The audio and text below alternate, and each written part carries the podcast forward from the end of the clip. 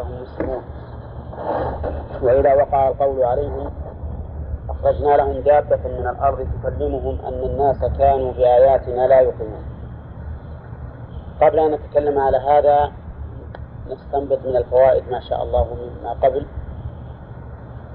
من قوله إن هذا القرآن يقص على بني إسرائيل أكثر الذي هم فيه يختلفون. أولا في هذه الآية من الفوائد أن القرآن كلام. أن القرآن كلام. لقوله يقص. والقصص قول. فالقرآن إذن قول. ومعلوم أن القرآن نزل من الله فيكون قولا لله سبحانه وتعالى. كما يدل على ذلك سياق الآيات. إن ربك يقضي بينهم بحكمه. بهذا القول الذي قص عليه.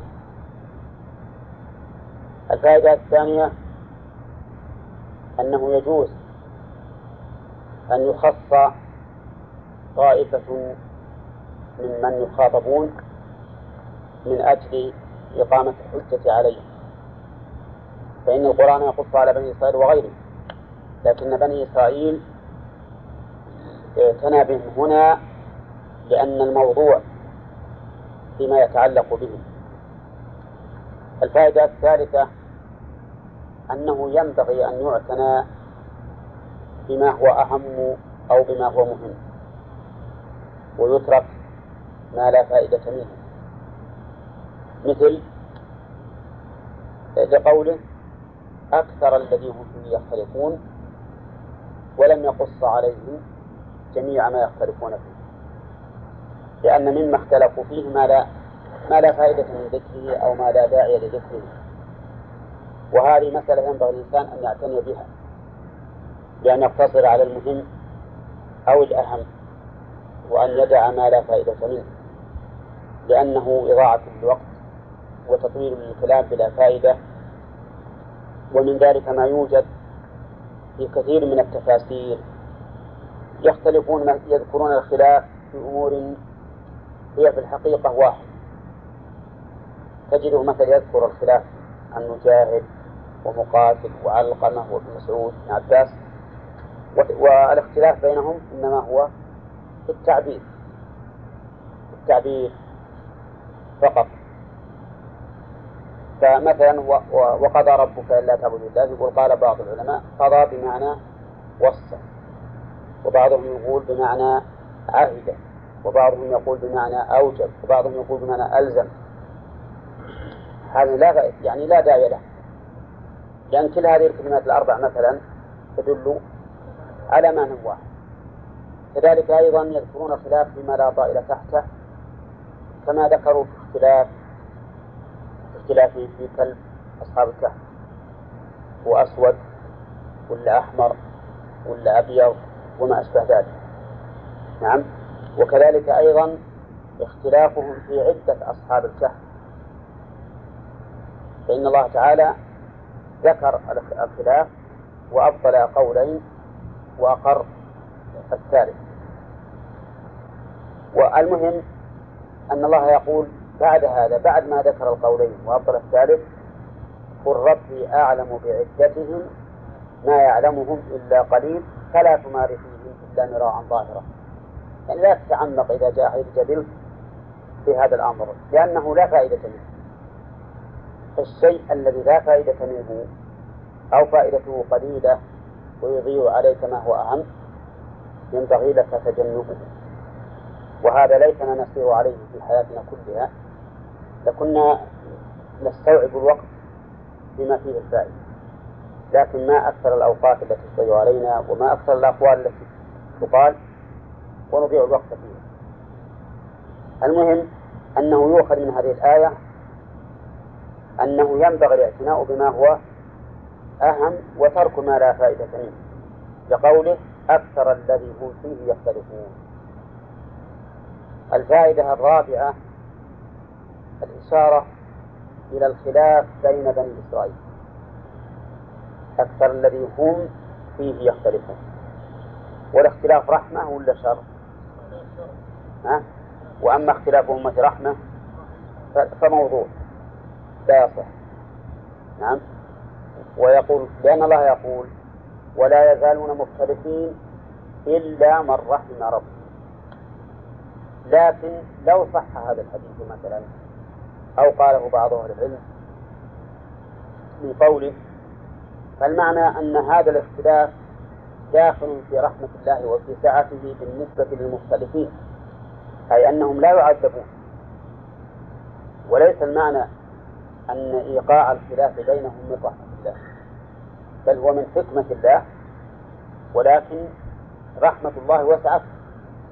فلا يقال مثلا إنهم معذبون بهذا الخلاف أو إن الواحد المصيب منهم له أجر والباقون محرومون أو ما أشبه ذلك.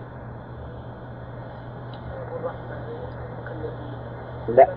قبل الذهب نعم. بأنه قول الصحيح أنه لا زكاة نعم. مرتاحون الذهب نعم. نعم. فهم معذورون لا لا. لا ما هو صحيح. يعني بعض الناس يقول هكذا ويتخذ من هذه من هذا المعنى وسيلة إلى جواب الترخص. ويقول اختلافهم رحمة بمعنى إن لي أنا أنا آخذ بكل بأحد الأقوال التي تناسبه ولكن ليس هكذا. فإذا فإذا صدر من قول أهل العلم فإنه لا يصح إلا على الوجه الذي قلت إن المعنى أن هذا الاختلاف داخل تحت رحمة الله فلا يعذب أحد عليه. نعم. بداية ظهر الإسلام وانتصار فيها العلماء إلى الآن ظاهرة الاختلاف موجودة هل ممكن يكون وجودها على خلاف مصلحة أو لا؟ نعم. لكن الحكمة اقتضت الحكمة اقتضت لأن الصراع بين هذه الأقوال يتبين به الحق أكثر. ولذلك تجد الإنسان عندما يمر به قول لا خلاف فيه ما يتطلب الأدلة ولا يمر نفسه عليه. فهذا الصراع بين المتخالفين فيه حكمة.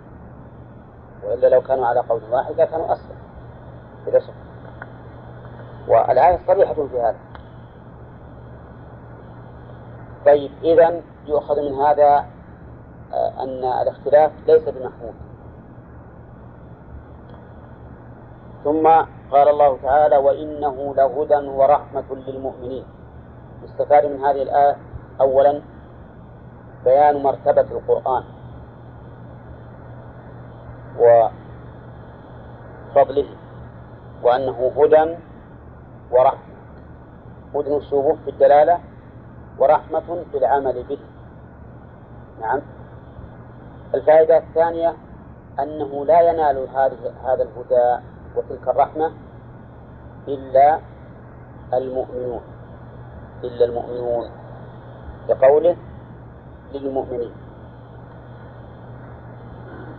الفائدة الثالثة أنه لا معارضة بين هذه الآية وبين قوله تعالى هدى للناس في وصف القرآن هدى للناس وبينات من الهدى والفرقان. والجمع بينهما أن الإثبات هنا والإثبات هناك مختلف الجهات فهناك هدى للناس بمعنى دليل له فهو دليل لكل الناس. لكن هل من استدل به انتفع به؟ لا. قد يهتدي به وقد لا يهتدي. إنما هو نفسه صالح للهداية لجميع البشر. الفائدة الرابعة فائدة الإيمان. لو لم يكن من فوائد الإيمان إلا هذا لكفى وهو إيش؟ الاهتداء بالقرآن. نعم الاهتداء بالقرآن ونيل الرحمة به. الفائدة الخامسة أنه كلما كان الإنسان أقوى إيمانا كان أقوى اهتداء بالقرآن وهذا مأخوذ من قاعدة مرت عليه وهو أن الحكم إذا علق بوصف قوي, قوي ذلك الحكم بقوة ذلك الوصف وضعف بضعف ذلك الوصف واضح؟ فما دامت الهداية والرحمة معلقة بوصف الإيمان. فكلما زاد هذا الوصف ازدادت ازداد ازداد الهدى وازدادت الرحمة. نعم؟ القاعدة أن الحكم إذا علق بوصف فإنه يزيد بزيادته وينقص بنقصانه.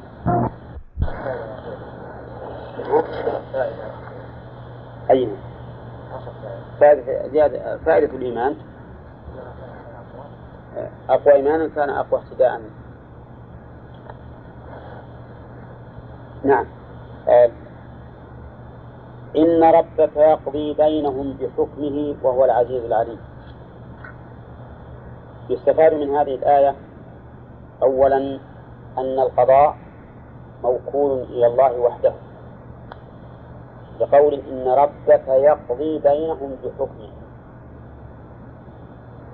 ثانيا أن كل قضاء لا يستند إلى قضاء الله فهو باطل الفائدة الثالثة إثبات العدل لله سبحانه وتعالى منين تؤخذ؟ من قوله بحكمه فإن إضافة الحكم إلى الله دليل على أنه مشتمل على العدل الفائدة الرابعة وهي مستفادة من التفسير أيضا أن الحكم هذا يتضمن الحكم الشرعي والحكم الجزائي. الحكم الشرعي والحكم الجزائي. فيقضي بينهم بحكمه شرعا في الدنيا وبجزائه عدلا في الآخرة. نعم. يقضي بينهم بحكمه طيب ذكرنا في درس أمس آه، للإضافة إلى حكم الله فائدتين من يعرفهما؟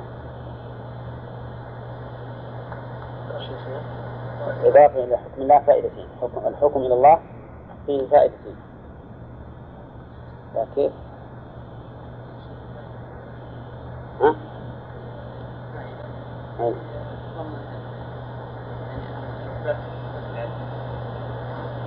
لا غير هذا.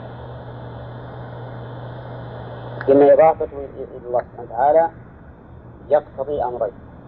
أحدهما العدل والثاني الإصلاح. ها؟ لا لا الإصلاح. يعني ما دام حكما مضافا إلى الله سبحانه وتعالى وقد علم أنه سبحانه وتعالى حكيم فإن هذا الحكم لا بد أن يكون مناسبا وموافقا لمحله. وكل حكم وافق محله فهو إصلاح. إن هذا يتضمن العدل والإصلاح. طيب الفائدة الخامسة وصف الله تعالى بالعزة والعلم. لقوله وهو العزيز العليم. الفائدة السادسة قرن العزة مع العلم في هذا الموضع يستفاد منه فائدة مستقلة غير فائدة العزة على حدة والعلم على حدة. يعني يستفاد من جمعهما فائدة مكونة منه وهو أو وهي أن حكم الله سبحانه وتعالى لا بد أن ينفذ بقوله وهو العزيز. ولا بد أن يكون مطابقا وصحيحا من قوله العليم. لأننا قلنا فيما سبق إن من تمام الحكم العلم والعزة. العلم ليحكم بالصواب والعزة لينفذ ما حكم. وأن خلل خلل الحكم يأتي إما من الجهل وإما من الضعف. إما لجهله أي الحاكم فيحكم بغير الصواب. وإما لضعفه فلا يستطيع أن ينفذ. ولا لا؟ إذا يؤخذ من من من جمع هذين الوصفين لله سبحانه وتعالى عقد ذكر الحكم. تمام حكم الله. تمام حكم الله حيث كان مبنيا على أي شيء؟ على العزة والعلم. فبالعزة, فبالعزة يكون التنفيذ وبالعلم يكون الصواب. فهمتم ولا لا؟ طيب. الفائدة السابعة تقديم الأخص من الأوصاف على الأعم. الأخص يعني معناها الأنسب للقضية. فهنا قدم العزة على العلم مع أن العلم سابق عليها في الترتيب. الحكمي في الترتيب الحكمي أيهما أسبق؟ العلم أسبق وراء يعني الإنسان يعلم ثم يحكم. يعلم ثم يحكم ثم ينفذ. ففي الترتيب الحكمي العلم مقدم. لكن هنا قدم العزة على العلم في الذكر. لماذا؟ لأن المقصود الأهم في الحكم هو تنفيذه. وتنفيذه فكان من من المناسب تقديم إيش؟ العزة على العلم. نظير هذا قوله تعالى عن الملائكة لما قالت امرأة إبراهيم حينما صكت وجهها وقالت عجوز عقيم قالوا كذلك قال ربك إنه هو الحكيم العليم. فقدموا الحكمة على العلم. مع أن العلم سابق. إذ لا حكمة إلا بعلم. لكنه لما كان هذا أمرا خارجا عن العادة ومستغربا قدموا الحكمة ليتبين لها أنه ما ما خرج ذلك عن العادة إلا لحكمة طيب هذه فوائد سبع من قوله إن ربك يقضي بينهم بحكمه وهو العزيز العليم. طيب قال الله تعالى فتوكل على الله إنك على الحق المبين. يستفاد من هذه الآية أولا وجوب التوكل على الله. لقوله فتوكل على الله. والأصل في الأمر الوجوب. و ومعنى التوكل سبق تفسيره. الفائدة الثانية أن بالتوكل على الله سبحانه وتعالى تتيسر الأمور لأن الرسول عليه الصلاة والسلام يكابد من عناد بني إسرائيل وغيره. فأمر الله بالتوكل عليه لأن الله ذكر فائدة التوكل في قوله ومن يتوكل على الله فهو حسبه. فبالاعتماد على الله تتيسر الأمور وباعتماد الإنسان على نفسه يحصل الخذلان. ويوم حنين إذ أعجبتكم كثرتكم فلم تغن عنكم شيئا وضاقت عليكم الأرض بما رحبت ثم وليتم الدنيا مع أن الرسول معهم عليه الصلاة والسلام ومع أنهم خير القرون وأفضل أهل الأرض لما قالوا لم يغلب اليوم من قلة حصل هذا الأمر. فيتبين بهذا أن من اعتمد على نفسه في حصول مقصوده أو دفع مضروره فإنه يخذل واضح؟ ولهذا أمر الله رسوله بالتوكل على الله في هذا المقام. مقام النزاع وبيان الحق لبني إسرائيل وهو يكابد النبي عليه الصلاة والسلام من ذلك. والفائدة الثالثة تسلية الرسول عليه الصلاة والسلام بقوله إنك على الحق المبين. الفائدة الرابعة شهادة الله تعالى لما جاء به الرسول بأنه على الحق بأنه الحق لقوله إنك على الحق المبين. وفي هذا أي من هذه الفائدة نستفيد فائدة أخرى وهي الترغيب في سلوك طريق النبي صلى الله عليه وسلم. ما دام حقا لأن كل إنسان عاقل يختار الحق على على الباطل. الفائدة الخامسة فضيلة النبي صلى الله عليه وسلم حيث كان مسلكه الحق المبين. إنك على الحق المبين. نعم. فهذا فيه شهادة من الله وتزكية للرسول عليه الصلاة والسلام وهو يتضمن فضيلة فضيلة الرسول صلى الله عليه وسلم. لأن الشهادة من الله أنه على الحق المبين. الفائدة السادسة السادسة أن كل ما خالف ما كان عليه الرسول عليه الصلاة والسلام فهو باطل. لأننا لو قلنا إنه حق للازم الجمع بين النقيضين. يكون ما, ما كان عليه الرسول حق وهذا حق ما يمكن وهو يخالفه. إذ هذا جمع بين النقيضين. لا يمكن أن يكون الشيئان المتناقضان كل منهما حق. لا بد أن أحدهما هو الحق ولهذا يقول الله عز وجل فماذا بعد الحق إلا الضلال؟ ويقول وإنا أو إياكم. هدان وإنا أو إياكم لعلى هدى أو في ضلال مبين. واضح؟ وبهذا نعرف أن جميع ما خالف ما كان عليه الرسول عليه الصلاة والسلام فهو باطل وهو في النار كما قال الرسول صلى الله عليه وسلم كلها في النار إلا واحدة. فإن كانت المخالفة تامة فهو باطل كله. وإن كانت المخالفة جزئية كان فيه من الباطل بقدر ما خالف ما كان عليه الرسول صلى الله عليه وسلم. الفائدة السابعة ظهور حق أحقية ما كان عليه الرسول عليه الصلاة والسلام. أنه حق ليس به خفاء. بقوله المبين. الفائدة الثامنة أن بيان الحق لا يلزم منه أن يكون بينا لكل أحد. فإن الخفافيش تعمى بضياء النهار. فلا يلزم من كون الرسول عليه الصلاة والسلام على الحق المبين أن لا يعرض عنه أحد.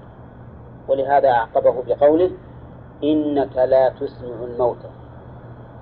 يعني لا تظن أن هؤلاء الذين أعرضوا أعرضوا لأنك لأنك على باطل. بل لعدم قابلية المحل.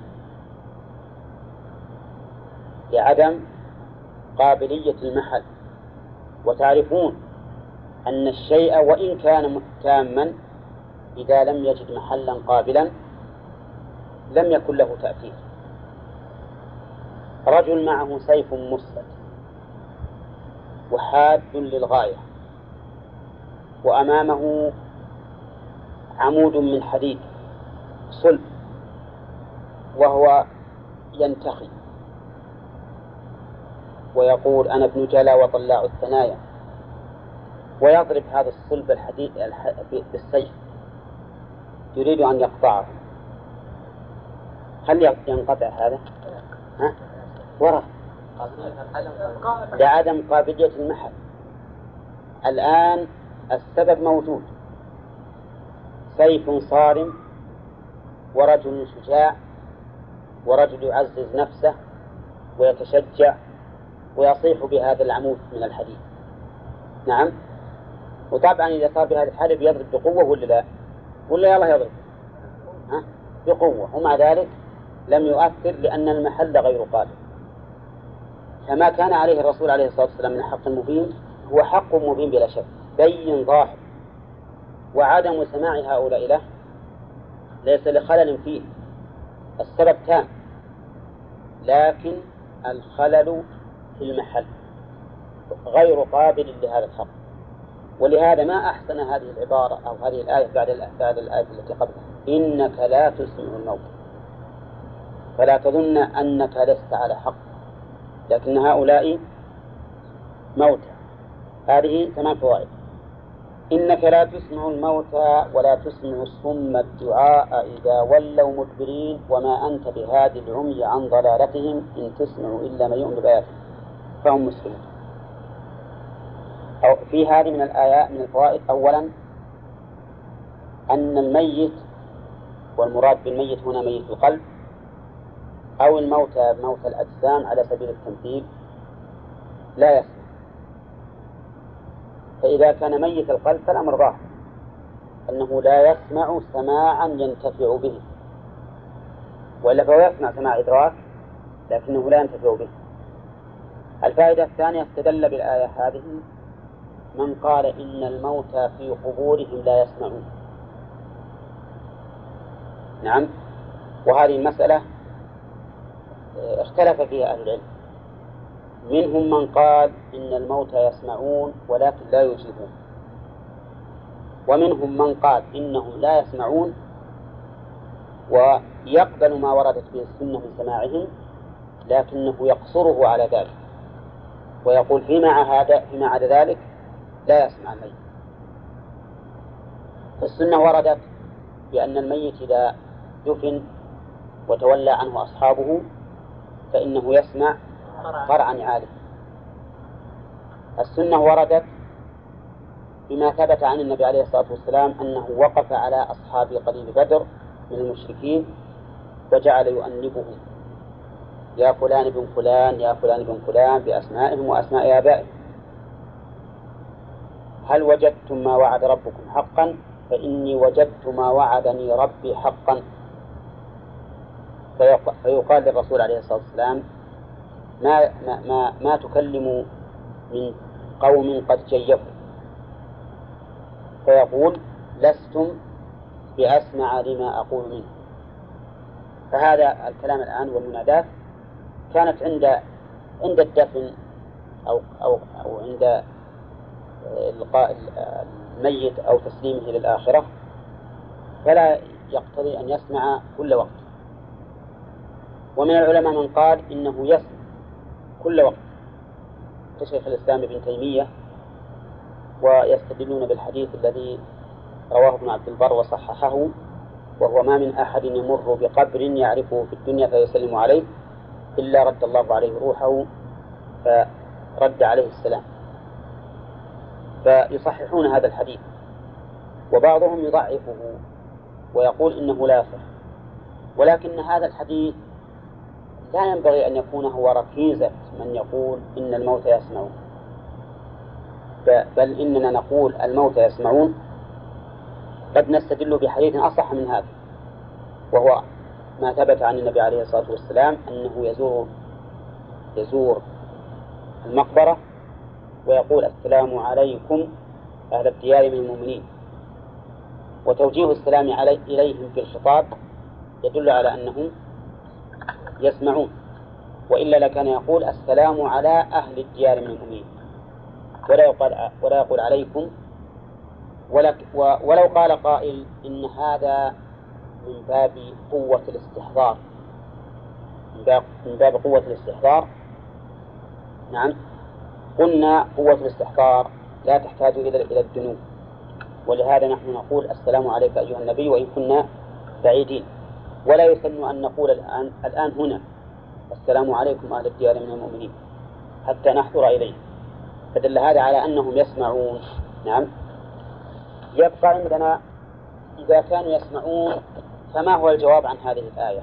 إنك لا تسمع الموتى. إنك لا تسمع الموتى. نقول المراد السماع سماع القبول إذا كان المقصود بالموتى موت القلوب. أو السماع الذي تحصل به الإجابة وسماع الإدراك الدنيوي. هذا ما يمكن. يعني ليس سماع الميت لما لما يتكلم به الإنسان كإدراك الحي بل هو سماع ما نعرف عن كيفيته. إنما هو سماع لا يمكن أن يجيب إلا إذا أراد الله تبارك وتعالى إحياءه وتكلم ونطق فهذا يمكن. مثل صاحب نعم. البقرة. صاحب البقرة. فإن صاحب البقرة ضربوه ببعضها فأحياه الله وتكلم ومات. نعم. فلكنه لم يتكلم ولم يجب إلا بعد أن حي. حياة دنيوية ثم ثم أماته الله. نعم. قوله إلا رد الله عليه روحه فرد عليه السلام. إيه. إيه لكنه كلما سلم عليه رد عليه وعرف. إذن هو يسمع. إذن هو يسمع. هو أخص من الدعوة. نعم. هو أخص من الدعوة. لا هو بخص من الدعوة. يعني قد لا يسلم ويتكلم بكلام قيل لك وش المانع؟ وش المانع؟ وهو على كل حال ما هم بيسمعون كل كلام. يعني مثلا لو نمر أنا وياك في قبر وإحنا نتكلم ما يلزم من هذا أنهم يسمعون ما يسمعون إلا الخطاب الموجه إليه وليس معنى ذلك أنهم يسمعون وإن كان ظاهر كلام الفقهاء أنهم يسمعون حتى ما لا ما لا, ما لا يخاطبون به. كلامنا فقط وإن كلمناه مرة أخرى لا يسمع. لا يسمعون مطلقا. لأنه إذا إذا كان السبب في في هذا السماع ما هو؟ الخطاب خطاب له. توقيف. يعني هو هو توقيفي لكن ما دام الخطاب إذا سمعوه مرة سمعوه مرة أخرى وش المانع؟ طيب ما ما ما يقال مفهوم بأنها تنزع الرفع عليه السلام لأنها إذا ردت لأي نعم نعم. هو الظاهر هذا هو الظاهر. أنها إذا ردت نعم فإنها إذا إذا انتهى السلام لم تسمع فحين نقول كلما خوطبوا رد الله عليهم أرواحهم فسمعوا. بقي أن يقال هل يسمعون بدون مخاطبة؟ ظاهر كلام الفقهاء أيضا أنهم يسمعون. ولهذا قالوا إنهم يتأ... إن الميت يتأذى بفعل المنكر عنده من قول أو فعل. وعلى هذا على رأي, على رأي الفقهاء ولا أدري ما مستنده. على رأي الفقهاء يكون يسمعون حتى ما لم يخاطبوا به. وعليه أيضا يكون الإنسان إذا شرف القبر بالأحجار التي تلقى عليه أو بالكتابات أو بغير ذلك فإن الميت يتأذى به لأن هذا من المنكر. تشريف القبر وتمييزه على غيره من القبور هذا منكر ولا يجوز. فعلى كلام الفقهاء يكون الميت يتأذى بذلك. يتأذى بذلك ويكون هذا الذي أراد تشريف ميته هو في الحقيقة أذى. أذى. طيب. نعم. هذا ما ما ما صحيح. ما صحيح. الفائدة الثالثة كم قلنا من فائدة؟ ثلاثة.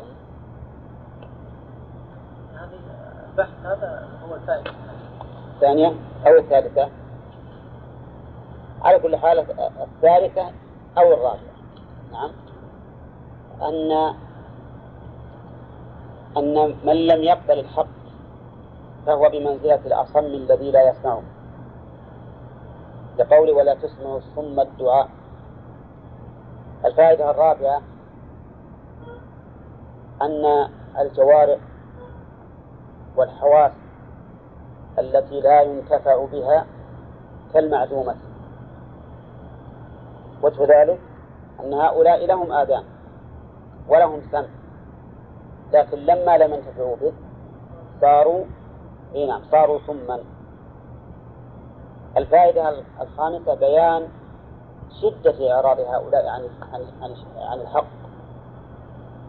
لأنهم صم مولون مدبرون نعم وهذا أبعد ما يكون عن السماع فالأصم إذا كان مقبلا إليك قد قد يفهم منك ما يفهمه من الإشارات والحركات فينتفع بذلك ولو كان أصم. لكن إذا ولى مع الإدبار ها ولى ببدنه وأدبر بقلبه أو بالعكس فإن ذلك يكون أشد استحالة في سماعه مما إذا كان أصم مع الإقبال. طيب وأيضا في هذا دليل على أن الإنسان والعياذ بالله إذا ولى مدبرا عن الشرع فإنه قد يعاقب بالصمم عن عن سماع الحق بحيث أنه ما ينفع موعظة ولا نصيحة وهذا هو الغالب. الغالب أن الإنسان إذا كان ما عنده إقبال على على على الحق أن يحرم الحق. حتى لو تكلم الناس وفعلوا وأجاء وأقاموا الأدلة من تبع بذلك ونضرب لكم مثلا الآن بالمرابين والمتحيلين على الربا. هم يسمعون المواعظ ها؟ يسمعونها لكنهم مولون يرون أن ما هم عليه لا بد أن يفعلوه. ولذلك ما وفقوا للانتفاع بها. ما وفقوا. بل بقوا على ضلالهم. نعم. والسبب في هذا أن ما عندهم أي إقبال أي إقبال من من من الإقبال الذي ينفعه فلهذا آه، نقول إن هذه الآية تدل على أن الإنسان إذا ولى مدبرا عن الحق فإنه لا يوفق لسماعه. الفائدة السابعة أن المعرض عن الحق بمنزلة الأعمى. بمنزلة الأعمى. فهنا قال وما أنت بهادي العمي عن ضلالتهم الفائدة الثامنة أن الرسول عليه الصلاة والسلام لا يملك هداية الخلق. بقوله وما أنت بهادي العمي عن ضلالتهم ولا يعارض هذا قول الله تعالى وإنك لتهدي إلى صراط مستقيم. لأن الهداية المثبتة غير الهداية المنفية. ما هي الهداية المثبتة؟ هداية الدلالة والعلم والبيان. الرسول عليه الصلاة والسلام معلم مبين. نعم ودال للخلق على الحق وأما التوفيق لذلك فهو بيد الله. فالجمع بين الهداية المثبتة للرسول صلى الله عليه وسلم والنفي عنه أن نقول ما أثبت للرسول فهو فهو هداية العلم والبيان. نعم. وما نفي عنه فهو هداية التوفيق والعمل. ما يستطيع هذا أبدا. ويستفاد من هذه الآية أن هؤلاء الجماعة الذين أعرضوا عن الحق قد أقفلت عليهم طرق الخير. فهم موت القلوب لم ينتفعوا بقلوبهم. صم الآذان لم ينتفعوا بآذانهم. عمي العيون لم ينتفعوا بعيونهم والآيات إما عقلية أو مسموعة أو مرئية. فالعقلية محلها القلب. وقد انتفى عنهم الانتفاع, بها في قوله إنك لا تسمع الموتى. والمشهودة شو؟ بالعين. وقد انتفى عنهم الانتفاع الانتفاع بها في قوله وما أنت بهذه العمر. والمسموعة بالآذان انتفى عنهم الانتفاع بها في قوله ولا تسمع الصم الدعاء. فجميع الطرق التي تحصل بها الهداية في هؤلاء كلها والعياذ بالله مسدودة مغلقة. إنك نعم إن تسمع إلا من يؤمن بآياتنا فهو مسلم. نعم في هذه الآية في هذه القطعة من الآية فوائد أو نتبع الفوائد الأولى. لأنها آية واحدة. نعم الفائدة التاسعة. أو العاشرة أن الذي ينتفع في آيات في الآيات التي جاء بها الرسول هم المؤمنون بها. إن تسمعوا إلا من يؤمن بآياتنا. والحادي عشرة أنه كلما قوي إيمان الإنسان بآيات الله قوي انتفاعه بها. لأنه علق على وصف الإيمان به في هذه الآيات فكلما قوي هذا هذا الوصف قوي الانتفاع. الفائدة الثانية عشرة أن الإيمان يستلزم الإسلام. لقوله فهم مسلمون. طيب وهل الإسلام يستلزم الإيمان؟ ما يستلزمه. قد يكون الإنسان مسلما وليس بمؤمن. ولهذا قيل عند الرسول عليه الصلاة والسلام عن رجل إنه مؤمن فقال أو مسلم. فدل ذلك على الفرق بين الإيمان وبين الإسلام. كثير من الناس الآن كثير من المسلمين مسلمون. ولكن ليسوا ليسوا بمؤمنين. وكثير من المسلمين مستسلمون وليسوا بمسلمين. فالمسلمون اليوم إما مستسلم أو مسلم أو مؤمن. أقلهم المؤمن. أقلهم المؤمن. نعم بلا شك. والمسلم المستسلم كثير. في البلاد التي غير بلادنا أكثرهم مسلم بمعنى مستسلم. هوية فقط. ولهذا يجي ناس من البلاد الأخرى يقولون ما نعرف نتوضأ ولا نعرف نصلي ولا نعرف أوقات الصلاة. ومع ذلك مكتوب في الهوية مسلم. القسم الثالث المسلم غير المسلم وهذا كثير في بلادنا. مسلمون لكن ليسوا بمؤمنين الدليل على هذا أن أن الأعمال أو الأخلاق التي علقت بالإيمان تجدها مفقودة في كثير من هؤلاء.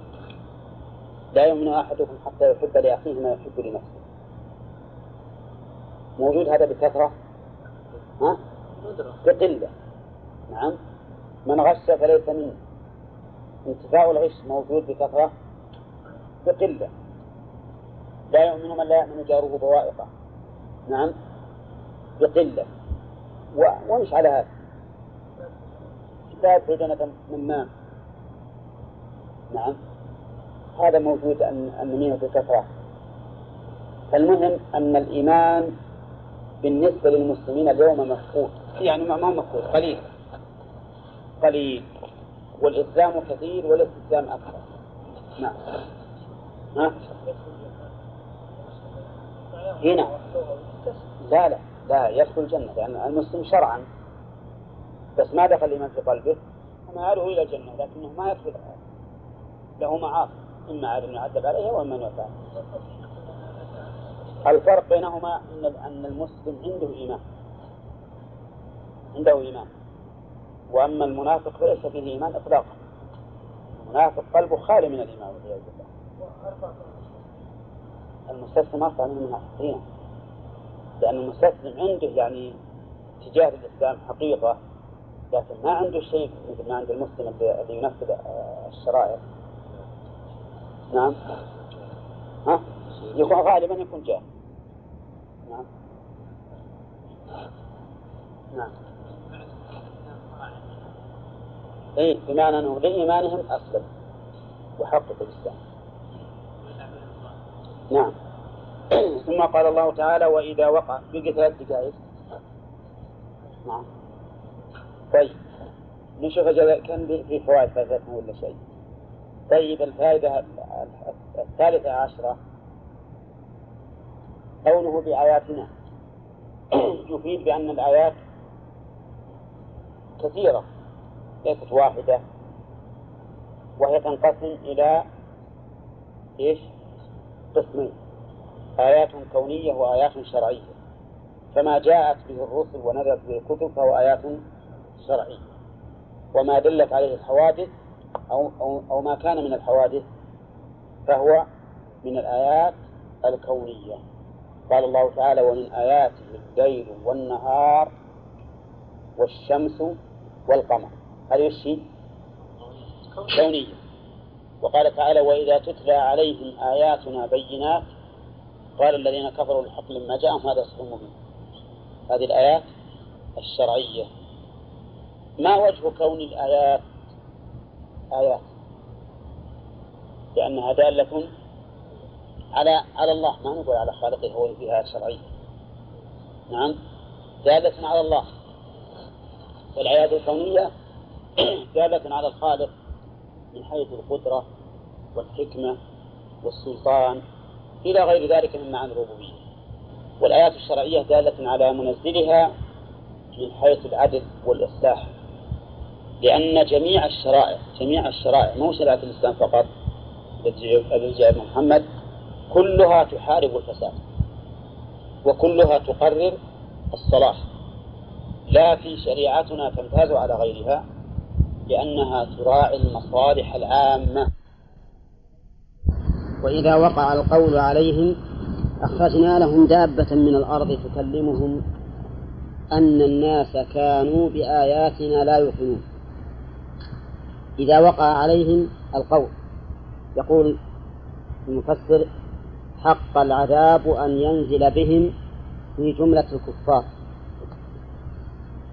وهذا تفسير منه على أن الضمير في قوله عليهم يعود إلى كفار مكة. ولهذا احتاج أن يقول في جملة الكفار لأجل التوطئة لما بعده أن الناس كانوا بآياتنا لا يؤمنون. ويجوز أن يكون الضمير عائدا إلى جميع الناس أي إذا وقع القول على الناس. ولا يكون المراد بالقول هنا القول بالعذاب بل يجوز أن يكون المراد به القول بانتهاء الدنيا. وتحمل الآية على الدابة التي تنزل في آخر الزمان والتي تخرج في آخر الزمان وهي من أشراط الساعة. وقوله أخرجنا لهم دابة من الأرض نكرها لأنها غير معروفة فكأنها دابة منفردة في نوعها. وقوله دابة من الأرض. هل هي متعلقة بدابة أو بأخرجنا؟ الظاهر أنها متعلقة بدابة. يعني أخرجنا لهم دابة من الأرض لا من السماء. نعم وقوله تكلمهم. يعني تكلم الناس. والكلام هنا بمعنى الحديث. قال أي تكلم الموجودين حين خروجها بالعربية. يجوز أن تكون بالعربية أو بغيرها على كل حال أنها تكلم الناس بكلام يعرفونه. هذا هو المتبادر من الكلام. ويرى بعض المفسرين أن المراد بالكلام هنا الجرح. تكلمهم يعني تجرحهم أي تخمشهم بأظفارها. قالوا لأن الكلب يأتي بمعنى الجرح كقوله تعالى كقوله صلى الله عليه وسلم ما من يك ما من مكلوم يكلم في سبيل الله إلا جاء يوم القيامة وكلمه يتعب دما ولكن هذا القول ليس بصحيح لأن الأصل في الكلام هو النطق ولا معنى لكونها تجرح الناس لكن تكلمهم بماذا؟ نعم. تكلمهم بماذا؟ قال من جملة كلامها عنا أن الناس كانوا بآياتنا إلى آخره. قول من جملة كلامها عنا أي أنها تقول على لسان الله لأن قوله أن الناس كانوا بآياتنا لا يوقنون لا يستقيم أن يكون من كلام الدابة عن نفسها. إذ أنها أي الدابة ليست ليس لها آيات يجب الإيقان بها وإنما الآيات التي يجب الإيقان بها لله. ولهذا يقول المؤلف هنا عنا أن الناس أي كفار مكة وعلى قراءة فتح همزة أن تقدر الباء بعد تكلمهم أي تكلمهم بهذا الكلام كانوا بآياتنا. استفدنا من كلام المؤلف وعلى قراءة فتح أن الأصل الذي شرح الذي فسره بالكسر إن الناس تكلمهم إن الناس يكون هذا مبتدأ الكلام. وعلى قراءة الفتح يكون على تقدير حرف الجر أي بأن الناس كانوا بآياتنا لا يؤمنون. وقول المؤلف إن المراد بالناس كفار مكة هذا فيه نظر ظاهر. بل إن المراد بالناس الموجودون في ذلك الوقت الذين وقع عليهم القول فأخرجت لهم الدابة تنذرهم. نعم. وأما كونه يقال أن كفار مكة لا يوقنون فلا حاجة إلى إخبارها عنهم. إخبار القرآن عنهم أوكد من إخبار هذه الدابة عنهم. فكلام المؤلف هنا فيه نظر ظاهر. وليس بصواب أبدا بل هو خطأ. فهي تكلم من؟ الناس الذين وقع عليهم القول حين خروجها. تحذرهم أن الناس كانوا بآيات الله لا يوقنون. هذا ما مشى عليه المؤلف وأكثر المفسرين على أن كلام هذه الدابة أن الناس كانوا بآياتنا لا يوقنون. ولهذا احتاج إلى تقدير عنا. لو تد معنا هذا تنزل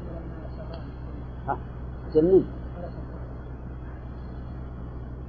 لكن ابن كثير استبعد هذا القول وقال إنها تكلمهم تحدثهم بحديث مستقل ما ما بين في القرآن. ويكون قوله أن الناس أو إن الناس هذا تعليل لقوله أخرجنا لهم دابة. يعني فليست الدابة هي التي تقول للناس. إن الناس كانوا بآياتنا لا يؤمنون. لأن هذا القول لا ينطق من لا يمكن أن تنطق به الدابة إذ أنه لا يصح أن يكون إلا إلا من الله. لهذا أنكر هذا القول مع أن ابن جرير رحمه الله اختاره. لكنه هو على أنه مختصر لابن كثير لابن جرير أنكر هذا. وقال إنها تكلمهم بكلام لم يبين. وأن قوله إن الناس أو أن الناس بالفتح أو بالكسر الجملة التعليل بقوله أخرجنا لهم دابة من الأرض. وقوله بآياتنا لا يوقنون إيش معنى لا يوقنون؟ يقول أي لا يؤمنون بالقرآن المشتمل على البعث والحساب والعقاب. وتفسير الإيقان بالإيمان فيه قصور لكنه تقريب لأن الإيقان أبلغ من الإيمان وأخص منه. نعم؟ فهو درجة عالية أعلى من الإيمان. ولهذا يقال أيقنت بكذا أبلغ من قوله. آمنت به. وهذه الدابة أولا نبحث فيها. هل هي الدابة التي تخرج في آخر الزمان والتي ذكرها النبي صلى الله عليه وسلم من علامات الساعة أو دابة أخرى. يرى بعض العلماء أنها هي الدابة التي تكون في آخر الزمان. ويرى آخرون أنها دابة أخرى ولهذا جاءت في الحديث معرفة وجاءت هنا منكرة. فيقال دابة والله أعلم بها. هل هي التي تكون من أشراط الساعة أو أنها دابة مستقلة؟ لأننا لو نعلم أن الحديث بعد هذه الآية لقلنا إن الدابة في الحديث للعهد الذهني. يعني الدابة التي عرفتموها وتحدث الله عنها. وحينئذ تكون الدابة هنا هي الدابة هناك. ولكننا لا نعلم ولهذا التوقف أولى. هل هي هي أو غيرها؟ ثانيا هذه الدابة مبهمة من حيث المكان. أخرجنا لهم دابة من الأرض. لكن من أي مكان تخرج؟ ها؟ وردت أحاديث لكنها ضعيفة أنها تخرج من مكة. تخرج من مكة من أجياد ولا من الصفا ولا من مكان آخر. المهم أنها تخرج من مكة. ولكنها أحاديث ضعيفة لا يعتمد عليها في العقيدة. ثم هل هي تخرج حقيقة من الأرض؟ تنشق عنها الأرض تخرج سواء من مكة أو غيرها أو أن المراد بالإخراج هنا إبرازها وإظهارها وأنها دابة يعني كغيرها من الدواب ثم تتبين بما يحصل لها من النطق. ويكون هذا كقول الرسول عليه الصلاة والسلام لا تقوم الساعة حتى تكلم السباع السباع الإنس. لأن السباع في آخر الزمان تكلم الإنس. هذه أيضا محل إشكال محل توقف. ولذلك هذه الدابة نكرة لفظا بعد ومعنى. يعني إحنا ما نعرفها تماما ما وصفت بالقرآن أو بالسنة أوصافا بحيث يجزم الإنسان بها. البحث الرابع هذه الدابة هل هي من جنس الدواب أو أنها دابة معينة على شكل معين؟ ها؟ تكلموا فيها كلاما طويلا في هذا. وكل ما ذكروا إنما هو مأخوذ عن بني إسرائيل ولا يمكن أن يصدق. غاية ما هنالك؟ أنه يذكر يحدث به ولا يصدق ولا يعتمد عليه في العقيدة. ذكروا عن آذانها وذكروا عن عينها وعن رجلها أشياء غريبة جدا. نعم. إيه. المهم أننا نقول نبهم ما أبهمه الله. ولا نعين ما لم يعينه الله ورسوله. وحسبنا أن نؤمن بأنه إذا وقع القول على الناس فسوف يخرج الله لهم. دابة من الأرض تحدثهم وتكون هذه الدابة آية على أن هذا على أن الوقاع أن العذاب قد قرب وقوعه منه. هذا غاية ما يستدل به من هذه الآية أو يستدل عليه من هذه الآية. فإذا يكون قوله أن الناس أو إن الناس ليس من قول الدابة على هذا التقرير بل هو من من قول الله تعليل لقوله أخرجنا لهم دابة. يعني يخرجها لأن الناس كانوا وعليه فيكون مطابقة هذا التعليل للشرط في قوله وإذا وقع القول عليهم يكون مطابقته مطابقة السبب شرب للمسبب. إذا كانوا لا يوقنون حينئذ وقع عليهم القول وحينئذ أخرجت الدابة. نعم. ذكرت قول المفسر أنه ذكر. أن الناس من كلام الدابة. ها؟ أن قوله أن الناس من كلام الدابة. إي على قول المفسر نعم. قلت أنه على لسان الله. لا يعني عن الله. مو على لسان لسان الدابة. لا عن الله على لسان الدابة. طيب هنا قوله من الأرض نعم. هل المعنى يتعلق بدابة وأخرجها؟ إيه يختلف المعنى. إذا قال أخرجنا لهم دابة من الأرض يمكن أن يكون ملكا ينزل ويخ- ويخرج من الأرض. ينزل في الأرض ثم يخرج منها. لأنه ما عين مكان مكان ما عين من أين يكون هذه الدابة. وأما إذا قلنا دابة من الأرض فتتعين أن تكون من دواب الأرض. يمكن مثلا دابة وأنها ما نعم. يكون المعنى أن أن تصديق هذا النوع من الدابة هذا بعيد هذا بعيد. ولا يمكن أن يقال أنه أقول يمكن أن يقال أنهم إذا إذا إذا لم يوقنوا بآيات الله أن الله يسلط عليهم السباع السباع تأكلهم وتذبحهم لكن هذا بعيد. هذا بعيد. ولا رأيت هذا من كلام السلف. كله من كلام المتأخرين قال تكلم أن الناس كانوا بآياتنا لا يوقنون. قوله بآياتنا لا يوقنون. نعم. المراد بالآيات هنا الكونية والشرعية. لكن الكونية ألم يوقن بها الكفار؟ ها؟ لكنه إيقان لم ينفعهم والشيء الذي لا ينفع يصح أن ينفع. الشيء الذي لا ينفع يصح أن ينفع لعدم الانتفاع به. قال وبخروجها. بخروج الدابة ينقطع الأمر بالمعروف والنهي عن المنكر ولا يؤمن كافر. لماذا؟ لأنه قد وقع عليهم القول. قد وقع عليهم القول. وإذا صح هذا التفسير فإن معنى ذلك أن هذه الدابة من أشراط الساعة. لأنه لا يكون الأمر كذلك إلا في آخر الزمان بعد أن ينزل عيسى ويبقى في الأرض سبع سنين لا يحصل بين اثنين عداوة ولا شحناء. ثم يرسل الله ريحا باردة من قبل الشام فتقبض نفس كل مؤمن ويبقى شرار الناس. نعم. في خفة الطير وأحلام السباع. فهذا إذا إذا كان هذا الذي فهمه المؤلف من هذه الآية في هذا الأمر فإن هذه الدابة يكون خروجها بعد عيسى بن مريم. بعد عيسى بن مريم. لأنه بعد ذلك يقول المؤلف أنه لا يؤمن كافر. ولا يؤمر بالمعروف ولا ينهى عن المنكر. ولكن موقفي في هذا أن أقول الله أعلم. يعني هذه المسألة من مسائل الغيب التي يتوقف الإنسان فيها إلا على ما يفيده ظاهر القرآن.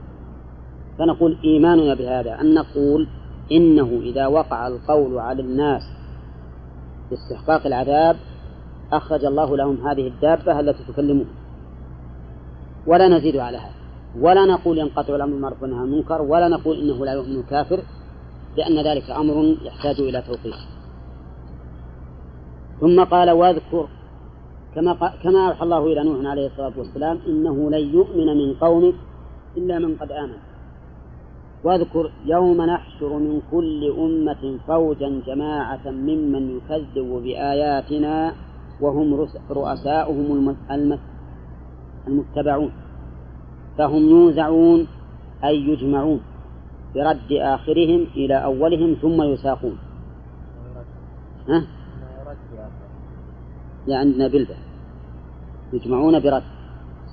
هنا قال واذكر يوم.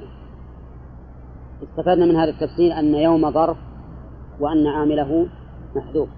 التقدير اذكر يوم. وهذا التركيب له نظائر في القرآن ويكون تقديره على هذا كما قدر المؤلفون وقوله نحشر بمعنى نجمع. وقوله من كل أمة فوجا. الأمة هي القبيلة أو الطائفة الكبيرة من الناس والفوج أقل منه الفوج أقل.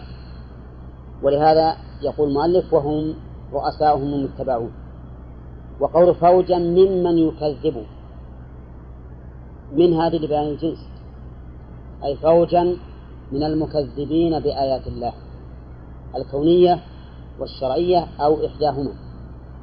وهم أي الفوج رؤساؤهم المتبعون. فهم يحشرون فيجمعون ثم بعد ذلك يوزعون والوزع بمعنى المنع. أي يحبس أولهم حتى يجتمع به آخرهم. ولهذا قال برد آخرهم إلى أولهم فيكونون زمرة واحدة ثم يساقون إلى الله تبارك وتعالى. فإذا جاءوا مكان الحساب قال الله تعالى لهم أكذبتم أنبيائي بآياتي. ها؟ الوزن بمعنى الجمع. الجمع بعض الشيء يمكن يأتي معنى إلا أن هنا بمعنى الجمع. يعني يجمع الأول إلى الآخر. قال أكذبتم أنبيائي بآياتي. المؤلف قال أنبياء. يشير بذلك إلى أن مفعول كذبتم محذوف. وأن بآياتي حال من أنبيائي ولكن هذا التقدير لا, لا, لا معنى له ولا داعي له. لأن التكذيب دائما يقع معموله معدا بالباء. كذب بآيات الله. ما يقال كذب أنبياء الله بآيات الله بل كذب بآياته. والتكذيب هنا مضمن معنى الجحد. فعليه نقول لا حاجة إلى تقدير المؤلف أنبيائه.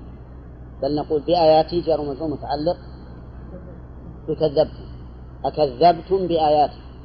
يعني أنكرتموها وجحدتموها ولم تحيطوا من جهة من جهة تكذيبكم بها علما إلى آخره. ولم تحيطوا بها. المؤلف كيف حل.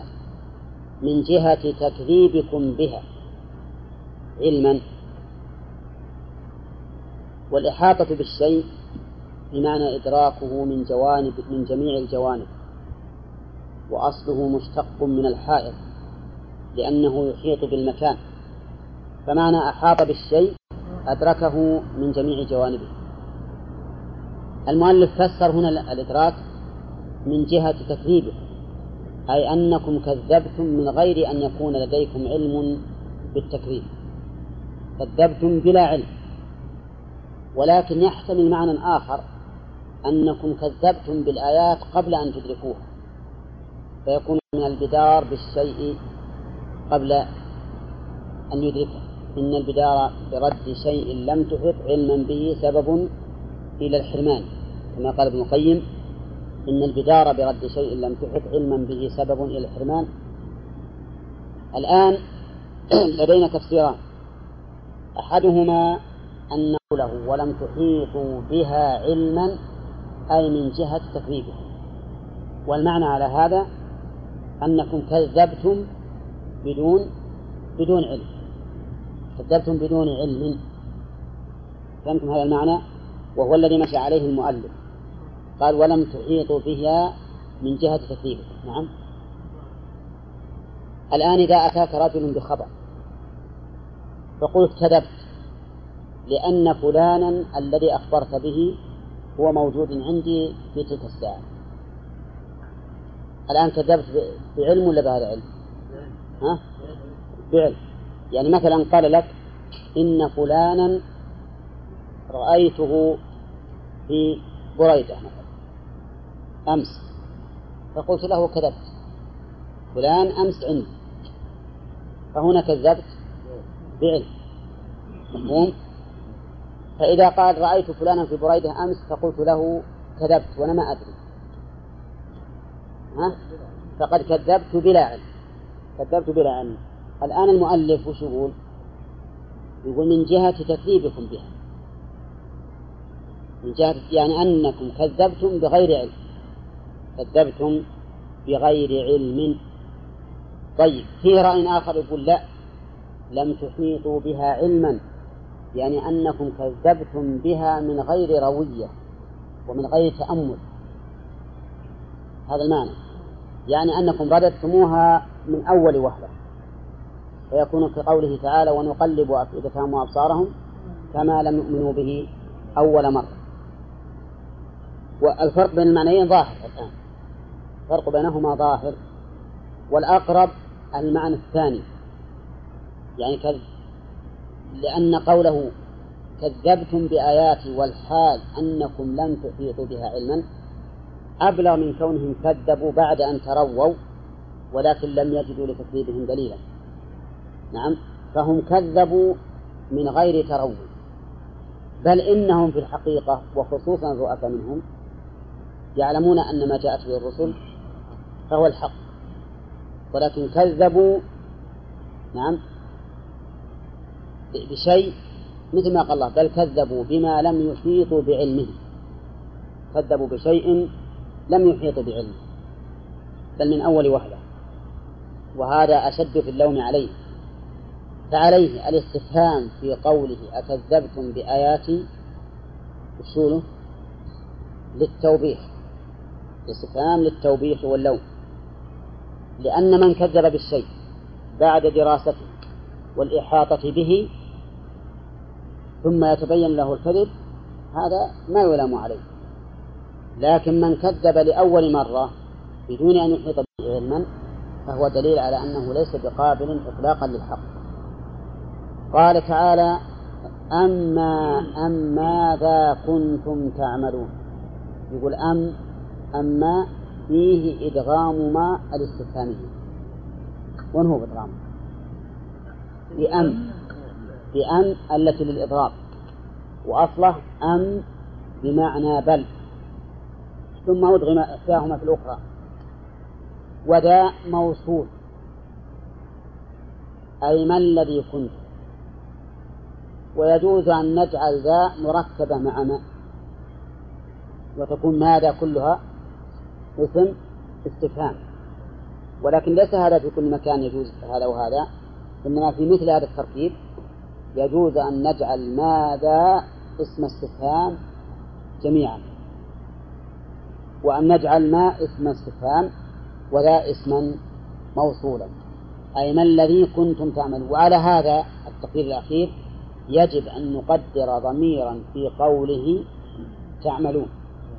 ليكون عائدا إلى اسم الموصول. وعلى الأول لا حاجة لذلك. ونجعل ماذا؟ مفعولا مقدما. لتعملون. نجعله مفعولا مقدما لتعم... نعم لتعملون. نعم. نعم. شلون؟ لا أصلا أم منقطعة عن هذا. يعني أم الحالة مكتوبة واحدة لكن أتيمت فقلنا لا لا لا سلام. لا. هي لابد من ماء اسم استفهام على كل حال. لكن هل تقدر ماء اسم استفهام وذا اسم موصولا وتحتاج إلى إلى عائد يعود إلى الموصول في تعملون؟ أو نقدر ماذا جميعا على أنها اسم موصول؟ يعني اسم استفهام. لا أم أم جميل. أم.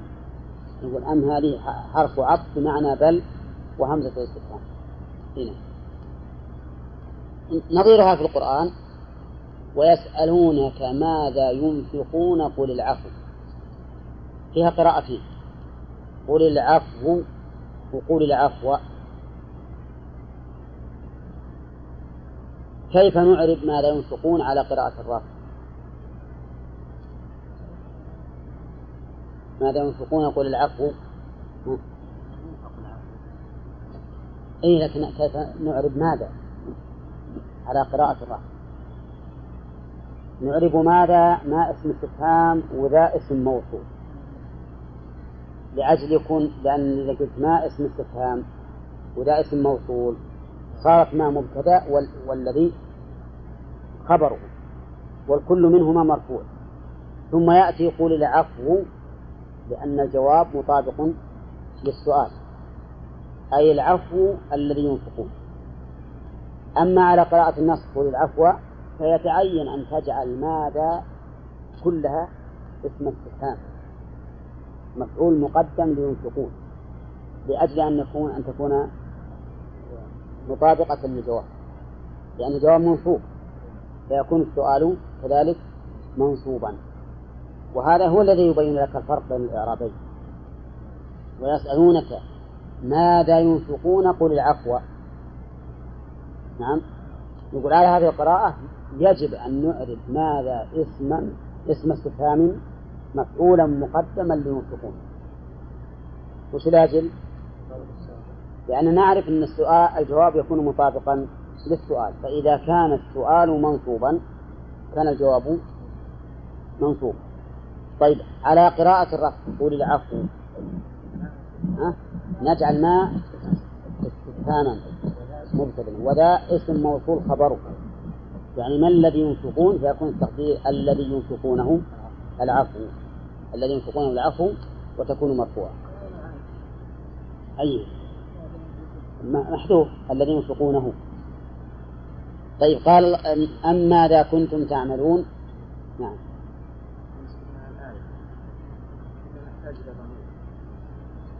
إذا جعلناها اسما موصولا. طيب. التقدير ماذا كنتم تعملونه؟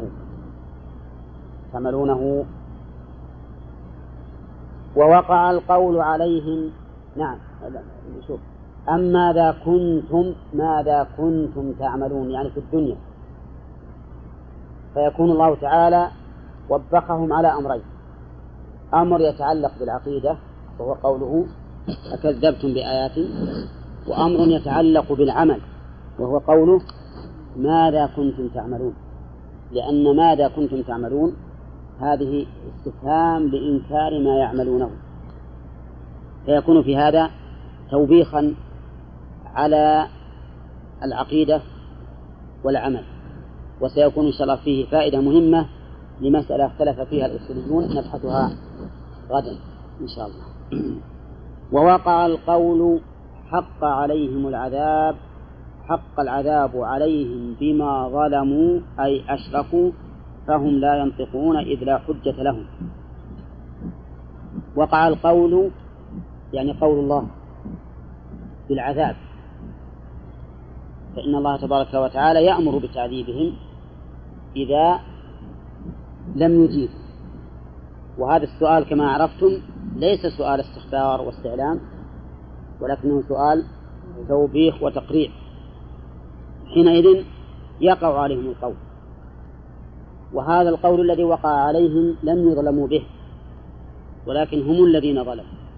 ولهذا قال بما ظلموا أي بسبب. وما هنا مصدرية. مصدرية يعني أن الفعل بعدها يحول إلى مصدر فيكون التقدير بظلمهم. وقال القول عليهم بظلمهم. وقول المؤلف أي أشركوا ينبغي أن نقول أن نفسر الظلم بما هو أعم من الشرك لأن الله سبحانه وتعالى وبخهم على التكذيب وعلى العمل المنحرف. فيكون الظلم الذي حصل منهم التكذيب والجحد الذي يتضمن الإشراك وكذلك الفسوق والعصيان الذي حصل منهم فإذا الرسل وغير ذلك. فالأصح أن نجعل بما ظلموا أي بسبب ظلمهم ومنهم الشرك ومنه الشرك. فهم لا ينطقون. ألفا مفرعة على قوله ووقع عليهم القول. أي فبعد أن وقع عليهم القول استحقوا العذاب ما يستطيعون النطق. يقول المؤلف إذ لا حجة لهم. إذ لا حجة لهم. وهذا في آخر الأمر. لأنهم كانوا بالأول ينطقون ويدافعون ولكنهم إذا رأوا أن جوارحهم شهدت عليهم حينئذ أمسكوا ما يستطيعون الآن. وإلا يقول الله تعالى ثم لم تكن فتنتهم إلا أن قالوا والله ربنا ما كنا مشركين. وهم يقولون ما ما أشركنا. نعم. ويقولون أيضا لا لو لا. يا ليتنا نرد فنعمل غير غير الذي كنا نعمل. ها؟ أو نرد فنعمل غير الذي اللي قبله. ولو ترى إذ وقوف على النار. فقالوا يا ليتنا نرد ولا نكذب بآيات ربنا ونكون من المؤمنين بل بدا لهم ما كانوا يخفون من قبل ولو ردوا لعادوا لما نهوا عنه وإنهم لكاذبون. فهم يتكلمون ويدافعون عن أنفسهم ولكن ذلك لا ينفعهم. ربنا أبصرنا وسمعنا فارجعنا نعمل صالحا إنا موقنون. المهم أنهم يتكلمون فقوله هنا فهم لا ينطقون. هذا يكون الجمع بينه وبين الآيات الدالة على على نطقهم أن للقيامة أحوالا لأن يوم القيامة كم مقداره؟ مقداره خمسون ألف سنة. فالأحوال تتغير. يكون الناطق فيه ساكتا ويكون الساكت فيه ناطقا. نعم. وتتقلب الأحوال. يخافون يوما تتقلب فيه القلوب والأبصار. نعم. لما ترى. فهم في حال لا ينطقون. وفي حال ينطقون ويدافعون. ولكنهم مهما قالوا ومهما فعلوا فإن لديهم شهودا من أنفسهم. يوم تشهد عليهم ألسنتهم وأيديهم وأرجلهم بما كانوا يعملون. اللسان ينطق بما قال. واليد تنطق بما فعلت. والرجل تنطق بما فعلت. وأبلغ من ذلك الجلود. تشهد بما لمست فجميع الآن جميع الذي فيه الإدراك والحاسة يشهد على هؤلاء بما فعلوا. وحينئذ ما يستطيعون ما يستطيعون أن يدافعوا. ما دام أن هؤلاء أن هذه الأشياء تشهد عليهم إذا من يشهد له فهم لا ينطقون. قال تعالى ألم يروا ها؟ الأعمال؟ بقصد إيش؟ يعني أنه يحشرون. يحشرون يوم القيامة على وجوههم عميا وصما وبكما. وبكم وصما. لا تتغير الأحوال. تتغير الأحوال. المتكبرون يحشرون يوم القيامة أمثال الذر. يطأهم الناس بأقدامهم ولكنهم إذا دخلوا النار يصير ضرس الواحد منهم مثل مثل أحد والعياذ بالله.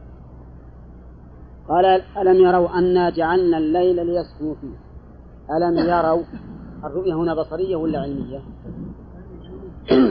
علمية وبصرية أيضا لكن لكن كونها علمية أعم لأن من أبصر الشيء علمه وليس كل من علم الشيء أبصره. فالأعمى يرى الليل يعني يعلمه والمبصر يراه بعينه وبصيرته. والهمزة, والهمزة هنا ألم يروا للتقرير. تقرير هذه الرؤيا التي لا ينكرها أحد. أنا جعلنا الليل فسر المؤلف الجعل هنا بالخلق فيكون متعديا بمفعول واحد. ويجوز أن يكون الجعل هنا بمعنى التصيير. يعني أن جعلنا الليل مظلما ليسكنوا فيه. ويدل على هذا قوله تعالى الذي بعده والنهار مبصرا ليتصرفوا فيه. ويكون حذف من كل جملة ما دل عليه المذكور في الجملة الأخرى. ويسمى هذا في علم البديع بالاحتباك نعم. الاحتباك أن يذكر في كل جملة ما حذف من الأخرى مع التقابل. هنا نقول ألم يروا أنا جعلنا الليل مظلما ليسكنوا فيه. وحذف من هذا الجمل من هذا؟ مظلما. ذكر مقابله مبصرا. وحذف من قوله والنهار مبصرا ليتصرفوا فيه وذكر في مقابله ليسكنوا فيه. نعم. فيكون في الجملة احتباس. وهذا يكون استفدنا المعنى مع الاختصاص أولا على هذا التقرير الذي ذكرنا يكون جعلنا ليست بمعنى خلقنا بل بمعنى صيرنا تنصب مفعولين. المفعول الأول الليل والمفعول الثاني محذوف. تقديره مظلما. ليسكنوا فيه اللام هنا للتعليل. والسكون معناه هو القرار وعدم الحركة ولذلك كان الليل محل السكون للخلق ولكنه بإذن الله محل عمل لخلق آخرين ها؟ الهوام والسباع ما تعمل إلا في الليل. لأنها تختفي في النهار إما خوفا من الناس وإلا رحمة بالله وإما رحمة من الله عز وجل بالخلق. لأن لو كانت هذه السباع وهذه الهوام تختلف في النهار أتعبت الناس. ولكنها والحمد لله ما تظهر إلا بالليل. إذا سكن الناس بدأ عمله في التناول وهذا من رحمة الله تبارك وتعالى. بالخلق أن يكون هذا التبادل ليعيش الناس بسلام. حتى هي أيضا أزين له إذا كانت ما تعيش إلا بالليل صومه أي آمن له.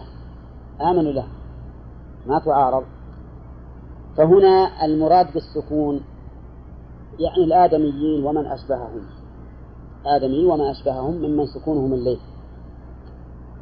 ولهذا كان الإنسان إذا أراد إذا أراد الصحة فليكن الليل سكنا له ولا سيما أول الليل.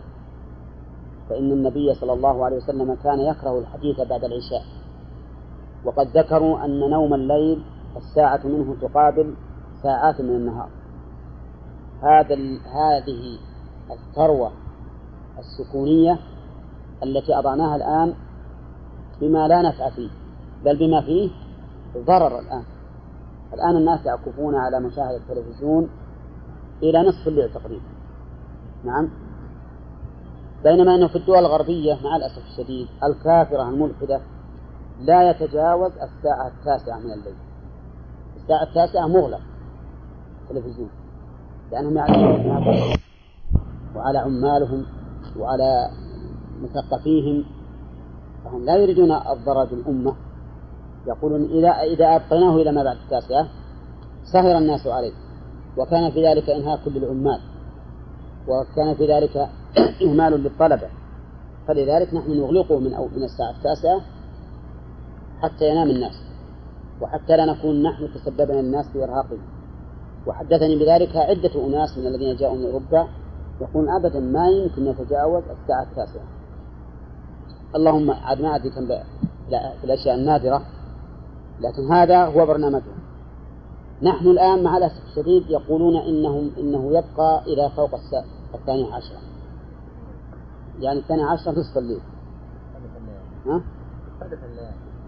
أو تختلف الليل. أكثر أكثر أكثر من عشر؟ أي نعم. هذا مع ما يتطلب من الناحية الاقتصادية. كم يستهلك الناس من الكهرباء في هذه الساعة؟ تلفزيوناتهم وكذلك أيضا في في, في أنوارهم.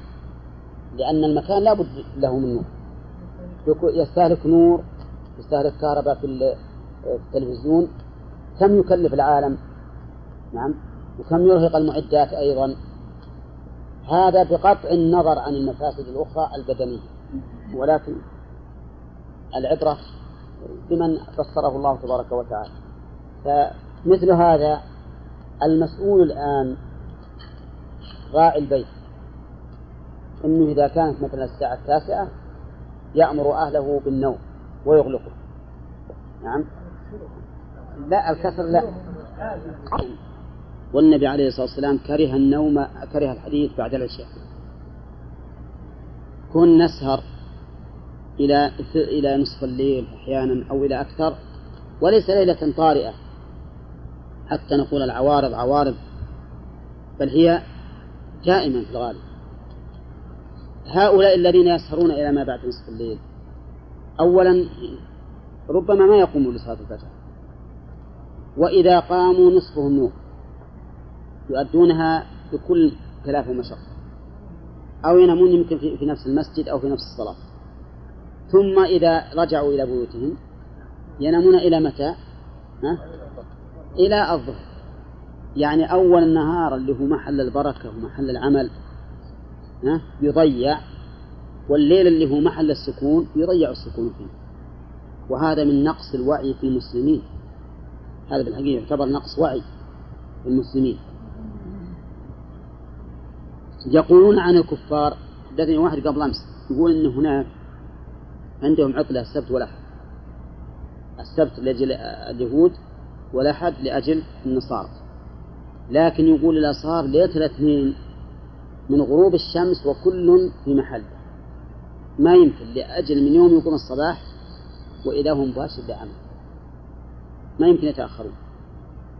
يقول غريب يعني العوائل يطلعون يتنزهون باليومين هذول إلى المنتزهات لكن ما يمكن إذا غابت ليلة الاثنين غابت الشمس ليلة الاثنين وإذا كل إنسان في محله. يكون متهيئ للعمل. نعم. إذا قارنت حال هؤلاء بحال المسلمين اليوم مع أن أحوالهم هذه هي التي يجب أن تكون. للمسلمين وجدت هذا السبب اللي جعلنا نتأخر وجعلنا في هذا الذل وجعل كثير من شبابنا مهم مقتنعين بأحوالهم يعني بعض الشباب الآن المنحرف قد يكون له عذر يقول أنتم تقولون الإسلام والإسلام والإسلام وين الإسلام؟ ما شفنا شيء ولكن نقول الذنب ذنب من؟ ها؟ ذنب من ينتسبون للإسلام ليس ذنب الإسلام ذنب من يقولون نحن أهل الإسلام وفي أهل الإسلام من لا يعرف أركان الإسلام. صدقون إن بعض الناس المسلمين الآن اللي يقولون هم مسلمين مكتوب على هويتهم. مسلم ما يعرف يتوضأ ولا يصلي. الحين موجود. ما يعرف يتوضأ ولا يصلي. إذا البيئة وش تكون معناه؟ معنى هذا أن البيئة ما ما, توضأ ولا صلى فأين الإسلام من قوم لا يتوضؤون ولا يصلون؟ هذا هو الذي أخرني ولذلك أنا والله أحب دائما أن يكون لدى أهل العلم يعني تطور في الحركة والعمل والنهوض